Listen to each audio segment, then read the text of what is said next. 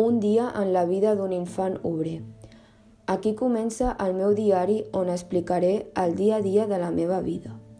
Em dic Lola, tinc 7 anys i avui m'he llevat molt cansada i amb mal d'esquena per culpa del meu llit.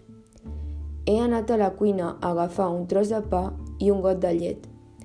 A les 7 del matí he anat a la fàbrica de Madrid, on visc, per començar el dia treballant.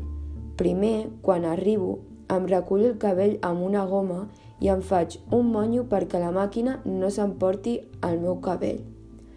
He estat tot el matí fins les dues de la tarda de peu treballant a la màquina de fils. Em feien mal els peus perquè no portava sabates i d'estar tot el dia dreta. Ara faré un descans de 10 minuts per menjar un tros de pastanaga i un got d'aigua. M'agradaria que em donessin més temps per poder descansar i menjar una mica més ja que no em paguen bé.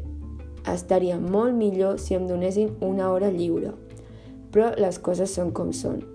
Arribo a la fàbrica i trobo que un nen dels treballadors de la indústria s'ha tallat un braç amb una de les màquines més perilloses. Amb això vull dir que una de les coses que hi tinc por és el sofriment físic i mental. Després d'un dur dia de treball, arribo a casa cansada. Saludo a la meva família. La meva mare m'havia preparat un got de caldo ben calent per dormir a gust. El meu pare encara estava treballant i els meus quatre germans acabaven d'arribar ara mateix de la fàbrica.